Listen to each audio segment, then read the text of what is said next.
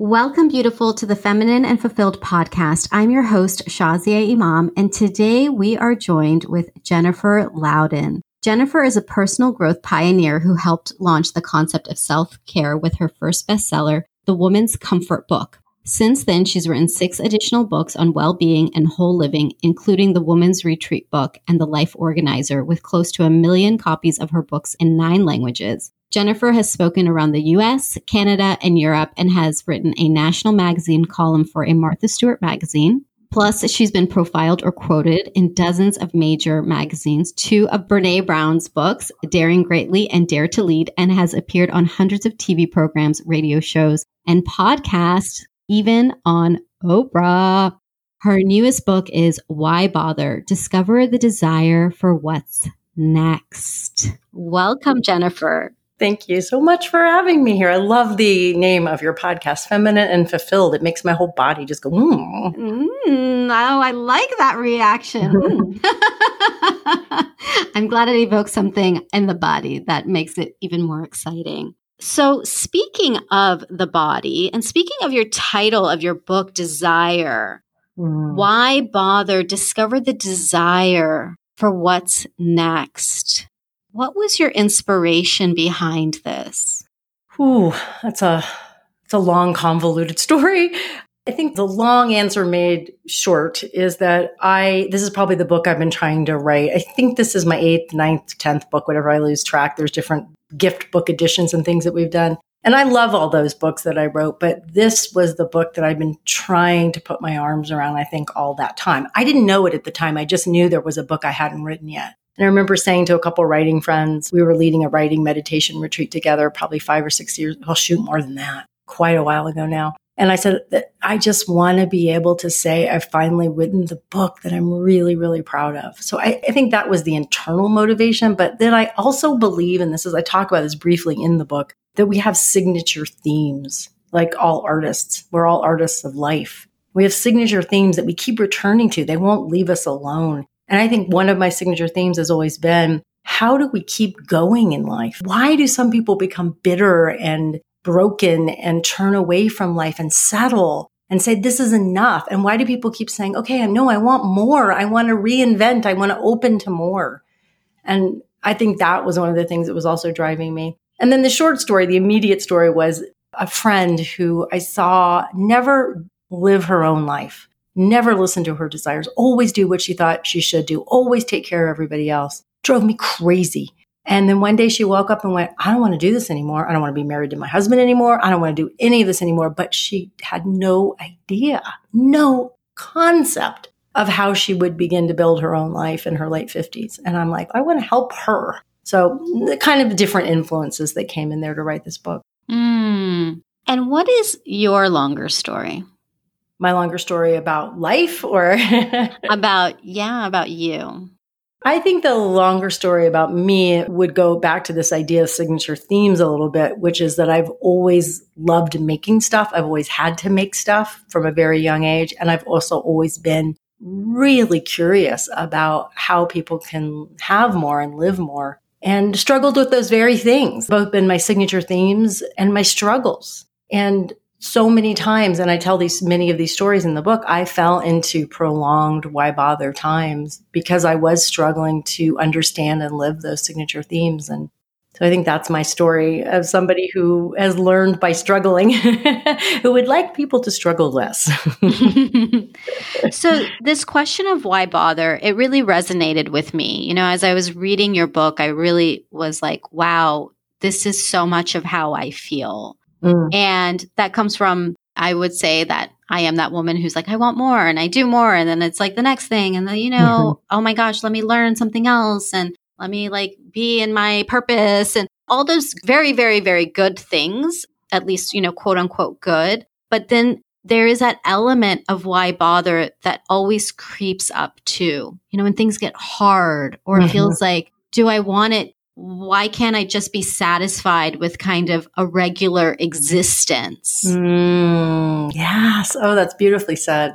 Yeah. There's so many flavors and shades and complexities to this question why bother it's one of the reasons i loved writing this book so much and i love what it's eliciting in people because you know you write a book and then it goes out into the wild and it has its own life just like a child and you're like oh that's what you're doing with it cool that's how it's landing right on and the couple things that you said that I think are sort of the more subtle way that why bother can creep into an otherwise really great life is that we don't know how to practice resting in enoughness, mm. in our declarations of enoughness. And that's not the way our brains are built. It's not the way our culture is built. So it's very, very normal to go, is this really enough? Is this really all I want? Is this really all there is? I mean, it really is built into our wiring. But we can learn to bring consciousness and love and awareness and attention to the fact that we get to declare what is enough and practice that. And that's definitely one of the ways that we keep bothering and enjoying the process, right? Because I don't know about you, but that like the way you were just speaking about it makes me want to get to some place where I'm finally going to be able to rest. I'm finally going to be done. Mm. Do you ever feel that? Yes. I mean, that was like my whole life. It was like waiting for some destination until one day I'm mm-hmm. like, wait, what if I decide my core feeling that I yearn for is freedom? I've mm. discovered that it's freedom. And I remember it was not too long ago, maybe about a year or so ago, I just said, what if I just decided I was free right now? Like mm-hmm. right now, I'm, I'm financially free. I am free, like in many ways. Like, what if I just decided that I am now? And it was this real like awakening because it was like, yeah, I can, I can decide that. I can. And yet, my probably my signature theme is to keep doing, to keep doing and doing and then doing, but then getting stuck in that why bother when things get tough versus when I can get really present to where I'm at and then really feel content and I'm really good right now. I yeah. am good. Yeah. And then the answer of why I bother to keep doing something that's hard dissolves. Mm. Because hard is often about what we wish was happening or where we wish we were already.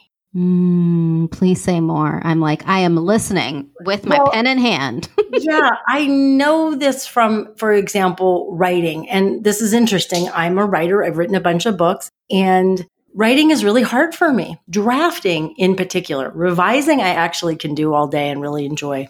And that's the opposite of a lot of writers. They'd much rather draft and fill up pages and da da da, and then they don't want to do anything with it. I'm like, oh, no, no, no, no. Give me the pages, then I'll do something with it.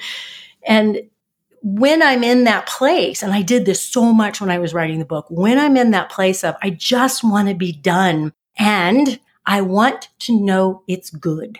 Mm. I want to know you, you, imaginary you, love it. I want to have that doneness, whatever that means for you as you're translating this to your own things, everybody that's when the discontent and the why bother come in because I'm not there. mm-hmm. I'm actually in the moment of creating it. And when I can spy with my little eye what I'm doing, I'm like, oh, I want to be done. And this, this beautifully happened to me. I think I was in revisions, which I just said, I love revisions. And I was kind of doing like this low grade brum, brum, brum, brum, brum, brum, in the back of my mind, right? I'll just be done. I'll be done. I'll be done. And I caught myself and I went, whoa, but I actually love what I'm doing right now. Mm-hmm. Do I want to miss this? It's such an interesting way to be what I call in the gap, right? Because there's always a gap. There's always a gap between if we're creative, what we're thinking or imagining, and what's actually coming out, or there's the gap between the conversation we want to have with our beloved and the way it actually goes down. or the imaginary, you know, the gap between how, well, there's always a gap between what we're wanting and what we're experiencing. And if we learn to relax there and be curious, the gap often closes. Mm, yeah, that is so beautiful. Just your example there. So simple. The thing, reminding yourself that you actually love revising, but how quickly your brain was already going to this next place exactly. and causing that gap to happen. Right. And causing the gap to happen in a painful way. Mm. And, and what we could reduce this to be present. But that never worked for me because first of all, it felt like somebody shaming me. Be present. You're, mm. you're a better person if you're present. It also felt very like mental to me. Like I'm going to think my way to be present. And what really switched for me, uh, and there's a story in the book about this, is I I think I was spontaneously asked myself, what's good right here? Mm. And that, like, we started by talking about the body and how the name of your podcast makes me feel good in my body. And that's what I, I, I try to practice and teach a lot is the body is the fastest way in. But unfortunately, as women, we've been trained and taught to not be in our bodies, right? And unless they look the way that we think they should look culturally. And that really cuts us off from that very embodied experience of being in the gap and relaxing and being curious and asking, I wonder what's good here right now, you know, which is your story about your life beautifully illustrates. Yeah, this piece about the body. And that's why, yeah, when you even said it, I felt it in my body. It felt very yummy. I was like, oh, thank you, because I feel that. It's yummy and yummy feels good versus just all the mental. I can get be, be a very heady person, but when Me I too. go into my body, yes, I mean, our heads are so limited, but the body, the movement, the flow, all of it. So I'd love to, for you to dive deeper into this embodied piece because it might be new for some people listening because you're right. As a society across many cultures and definitely in the West, it is so much about go, go, go. It's so masculine. It's so, what are you creating? What are the results? What's next? And the feminine and the body are saying something else. So I would love for your teaching on this? Yeah, well, the first thing in you just brought up for me was the mind has no body. I mean, okay, technically it's in your body, but your thoughts don't have a body. They don't have mm-hmm. a human scaled life attached to them. They don't have a space time continuum. So you can have an idea. I was just coaching somebody on this. They had an idea for a business and they were really excited about it, but they immediately became completely overwhelmed because their mind went in 17,000 directions, 17,000 years in the future about how big this was going to be and how hard it was going to be and how overwhelming it was going to be. And it was, and I'm just like, whoa, okay, that's what the mind does. You're never going to stop doing that. But the body actually brings us back here to, okay, where's that desire? Okay, this desire that I have for this business, where do I feel it in my body? And then let's make a big list of everything we might do for next steps, listening to that. So that's one example. And another thing, maybe more elemental, that is that what I recognize over and over again is when I am not moving my body. I don't mean an exercise class. I mean rolling around on the floor and making animal noises. I mean putting on music and dancing in my basement where no one can see me. Laying in bed in the middle of the afternoon and putting an eye mask on and breathing and feeling my whole body there. I cut off my ability to care, to bother, to desire. And I believe that desire has to be embodied.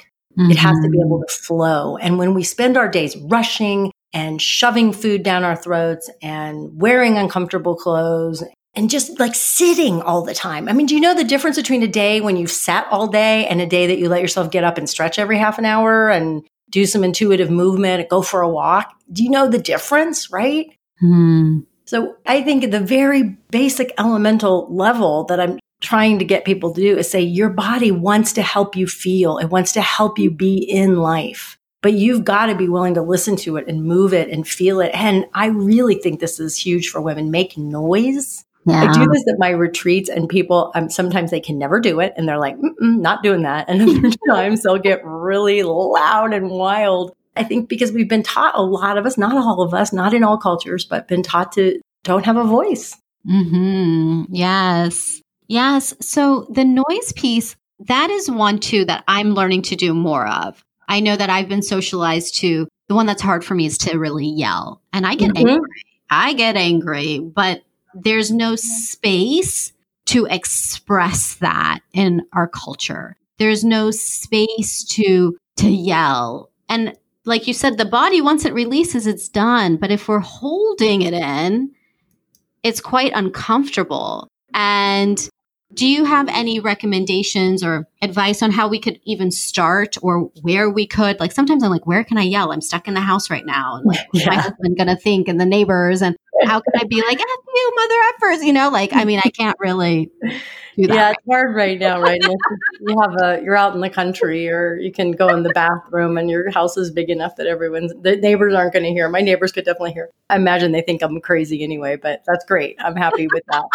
You know, one of the things that I do with people that I work with in, in different ways is is I'll start with with sounds that are comforting, like ma ma ma ma ma, or making a an inhale and a on an exhale.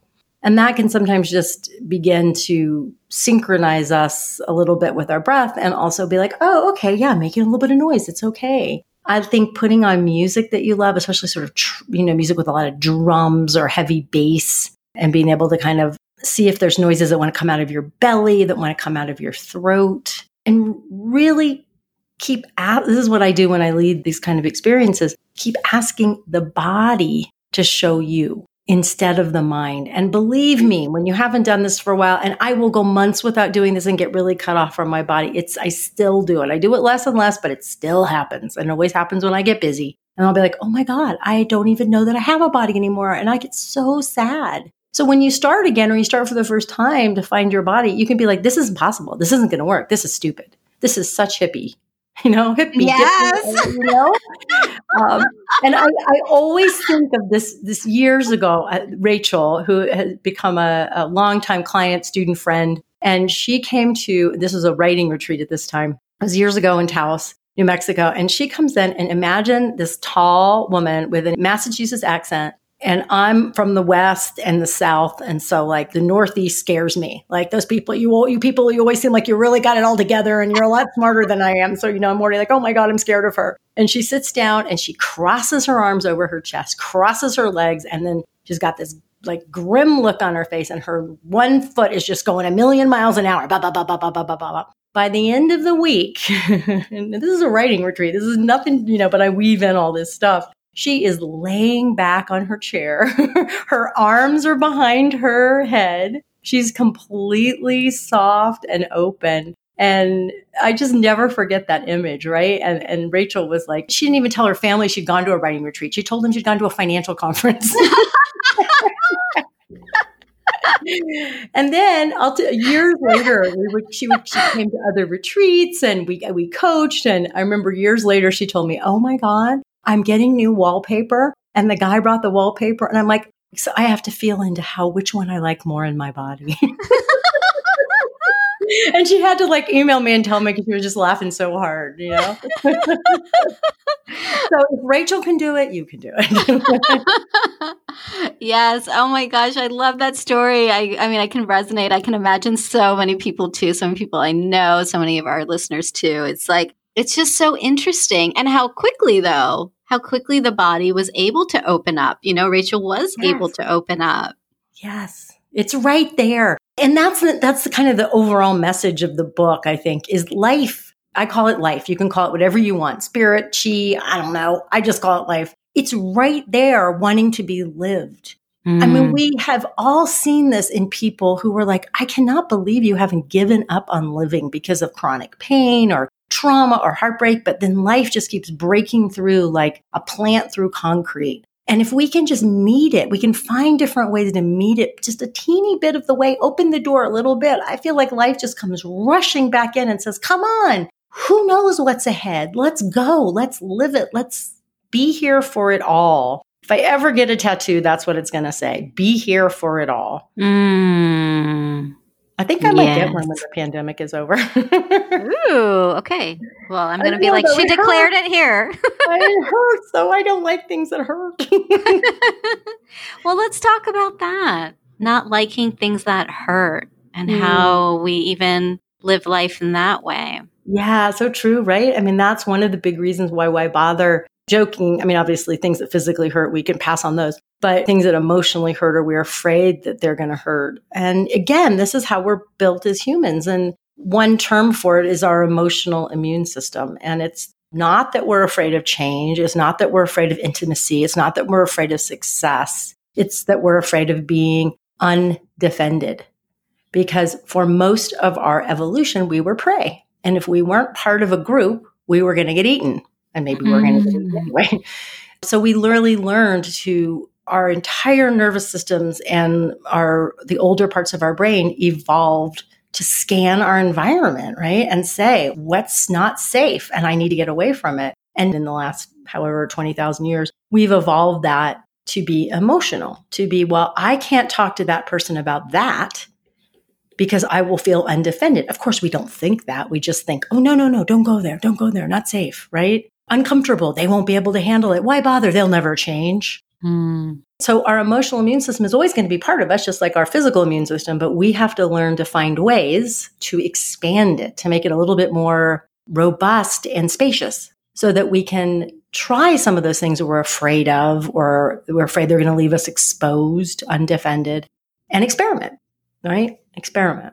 So I'm afraid of tattoos is not really my emotional immune system. it's really me going, I don't want anybody to poke me. But my emotional immune system might show up with having a difficult conversation with my husband, for example. That's definitely something that I'm always working on. Mm. Yeah, I would love to hear some ways to, I forgot the word that you had used. Expand or? Yes, expand. What are some ways that we can expand? Well, there's work that's been done by Lisa Laskow Lahey and Bob Kegan at Harvard. And I drew on that in the book for one idea. And there's some prompts in the book, which of course now I'm trying to find. And I, oh, here I found it. Oh my God, I'm so proud of myself. so you, you go through using this sort of fill in the sentence, fill in the blanks. If I care about blank, I'm afraid that your biggest, hottest fear. It doesn't have to make mm. sense to mm. anybody else, but it's the one that makes you go, I don't want anyone to know that. That makes me a little sick to my stomach will happen. And that means what's the worst possible outcome for you? And I'll give you a hint. It will feel the equivalent of death of some kind, not probably physical death, but emotional death. And you keep filling this in. I, if I care about blank, I'm afraid that blank will happen. And that means blank, the worst possible outcome until you get somewhere really that makes you kind of break out in a sweat. And that's that fear of being undefended. You need to name it for yourself. You can't mm-hmm. leave it out mm-hmm. there and vague. And then from there, you can begin to design what I call nano experiments to see not jolly yourself out of it, not prove yourself wrong, not positive thinking, but like wow, if I take a little action on what I care about, what actually happens? What actually happens? So you try to gather data like a scientist in little tiny ways that don't make you feel too threatened, but that push out the envelope of your emotional immune system a little bit. Hmm. Yeah. This is a really powerful exercise. And, you know, I'm just tapping into one of the things when you were talking about the fear of being undefended. I've never heard it described like that. And that makes so much sense because for me, I know my fear is being homeless and alone, like mm-hmm. always. Mm-hmm. Everything leads to I will be homeless and alone. And it's, it's really interesting because nothing in my life has ever really shown me to like end up homeless and alone. And yet it's this fear I have. And I think the alone piece is really key because that being undefended, if you're alone, yeah, I mean, that's, I would have been eaten up if I was alone. Exactly. So you begin to unpack it. You can hear you're doing it already. And then you think, okay, well, what would be this really safe way to just gather data, to witness myself, to witness what happens about what I care about? Like that goes back to the heart of the book. Like what we care about is always connected to what we desire. Mm. And so I would say that the desire you have is connection, belonging, you know, these very deep human desires that we all have? And how would you design an experiment about that? You know, is your deepest fear if you speak up to someone that you care about, you want to be connected to, that they will ostracize you? You know, and you're not going to like, okay, and then I'm going to go up in front of 500 people I know and do, you know, it would be a small thing that you would do. You know, maybe speaking up to a friend that you're worried that you can't say to her, you know, it made me uncomfortable right then when, when you said that. Or I want to bring up the fact that you said you were going to throw me a Zoom birthday party and you never did. I know. Pete, can I just say something about that for one moment? Zoom birthday just, yes, just I just have to tangent for one moment. Yes. I think people discovered the Zoom like capacity to do parties a little bit after my 40th birthday happened right when all of this started and it was supposed to be epic. I had this whole plan to be 40, free and fabulous. And I was so excited and like all of that. And then, you know, this pandemic happened and it's fine. But my friends didn't do anything on my birthday. And I just kind of chuckled about it later because I, once people started doing Zoom birthdays, I was like, oh, well, now I'm kind of like, why didn't you guys throw me a Zoom birthday? But we didn't even know it existed. So. well, you know, that that's a really great piece though that is really one of the reasons why we fall into why bother is because we don't realize we're rewriting the past with the eyes of today. Mm. So the eyes of today say, "Oh God, why didn't you throw me a Zoom party?" But in back then, no one was throwing Zoom parties. But we forget those things, and they can really become part of our arsenal about why we shouldn't bother. Mm. Because the first idea in the book, y'all, is that we all ask the question, why bother? We ask, what's the point? I'm too old. It's too late. Who cares? That got ignored. She'll never change. There's no point in speaking up to my boss. He's a butthole. And we make a case for ourselves for not bothering. We're not actually asking the question. And what I'm trying to say is, hey, this is natural. It's inevitable. Maybe you're right. Don't speak up to your boss. You've done it enough times. It's a waste of your time. But you've got to actually go in there and pick it apart and ask the question because otherwise you're going to stay locked, for example, in that relationship with the boss where you and the job that you hate or where you don't feel expressed because you're not actually willing to say, what do I want? What do I want to bother about? What Mm. might it look like? So we get stuck in resignation and we get stuck in resentment. Mm, yes. And sometimes the peace, it's easy to stay there, right? It can feel safe to stay there. Yeah. How can people move to that place of desire? Sometimes I hear from my clients the hardest thing is to really be like, well, I don't know what I want. I actually Yeah. don't know. So this is safe to me. I know what I don't want. And so I, but I'll just stay in it because it actually feels more comfortable. This is going to sound like a plug for my book, and I don't mean it to be, but it really is the whole process of the book is the answer to that question. Because what I see people doing around the question of, I can't get the energy, I don't want to take that risk again, I don't know what I want, you know, fill in the blank, is that they want to go from where they are to a plan.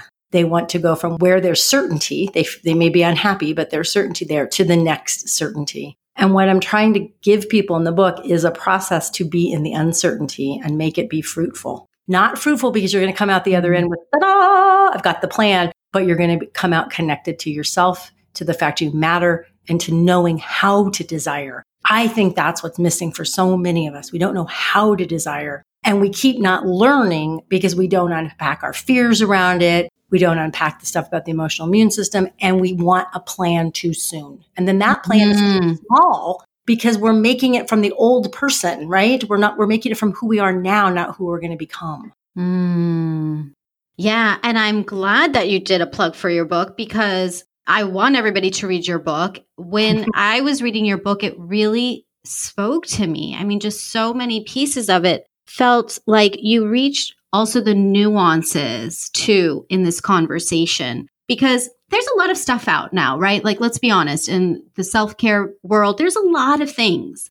And we there hear a lot of the same things over and over, and there is a lot around oh, positive, all this stuff. But I love that you have the science to back it. And then you really talked about those nuances because the why bother question is really the one that holds people back the most. I think it is. Thank you for saying that. I really believe it is. And life is so nuanced. These questions of our life are nuanced and we miss the, we miss the nuances, which is where we come alive when we hit ourselves over the head with broad ideas and when we hit ourselves over the head with shoulds Mm. and when we try to know too soon. And yeah, it's that ability to slow down and pick things apart. And here's what I also want to say for people, and I've been there who say, I don't know what I want. You do. Mm. I promise you know what you want, but you're afraid of it, or your emotional immune system is so tight around your throat you can't see it or feel it, or you're overriding it because it's not big enough or sexy enough. And desire is always there. You wouldn't get out of bed without it, Mm. So true. right? I desire to go to the bathroom. Okay, you're up. well, that one definitely comes. My bladder definitely desires that. and I desire coffee. Okay, you're down the stairs. You're in the kitchen. well, I definitely desire hot, passionate intimacy. I'm going to be honest about Mm. that. yeah. Yeah. I love that. Yeah. And we we're afraid because desire in women, it's just we've been killed for it. We've been Mhm. shamed for it. We've been told if we ate the apple, it's the source of all sin. We've been told as kids, who do you think you are? Depending on our family and cultural tradition, you know, if you want something, just wait for the other shoe to drop, right? Something bad's going to happen if you want stuff. It's Mhm. selfish. It's selfish. Come on, you need to think about everybody else first. I mean, there's so many messages that we have gotten that desire and wanting and knowing what we want is bad. There's a lot of noise in the system that you have to kind of bring out and look at, it in the light and go, oh, right, okay. And that's what I learned. And how do I make it safe for myself to desire now? Mm. And we also have to, I think, understand that desire has a built in longing to it, which is never satisfied. mm, please tell me about this. Yeah. I mean, if you really just reflect on your own experience of desiring something, let's say red hot intimacy, or that wasn't exact your exact words. It works. Same. Okay. there is a way that even in the midst of great intimacy with your partner, that there can be a little part of you. And we don't actually know if this is just the way the brain is built or if it's more of a, a, spiritual condition or some combination. But there'll be a little part of you that's often kind of off to the side going, is this really it? Am I getting my desire fulfilled? Maybe having a great meal, you know, and you're like, oh man, man this is great, but now it's over. Oh, mm. I want ice cream again. and that learning to be with that longing and not grasp the next ice cream cone, for example, that's where the growth comes. Mm. Because when we can't be with that, that's when we get really either we go, why bother? We go belly up, or like, there's no point. Look, that wasn't very satisfying. Or we get more and more graspy and ambitious and where, where we were in the beginning of this conversation, right? Off to the races, into the future. I'll just get there. I'll be done. And then I'll feel fulfilled. Hmm. My gosh. I'm feeling all sorts of yummy. Oh my goodness. Yeah. Good. Yummy. I'm glad. Well, thank you so much, Jennifer. And tell us I mean, we've gotten so much goodness from you already. If you're not already like, I have to read the whole book, then I'm plugging it again. Go grab the book. But, Jennifer, tell us how we can get the book. Yes, you can get the book anywhere books are sold. We have we have a Kindle ebook wherever you get your ebooks. We have a paperback beautifully designed. And we have an audiobook read by me. So you, wherever you like to get your books. And then if you want to come to jenniferlouden.com forward slash why hyphen bother, um, we have gifts for you. Whenever you buy the book, we'll have some gifts there for you. So come and, and look about those.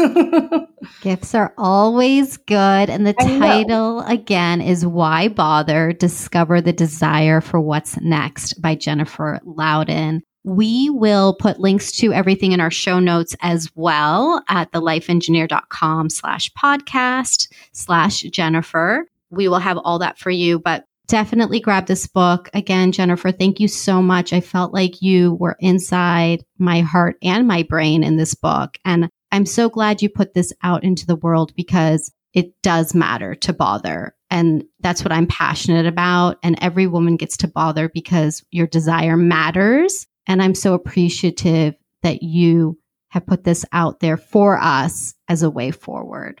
Oh, thank you so much. I appreciate this conversation. It was delightful.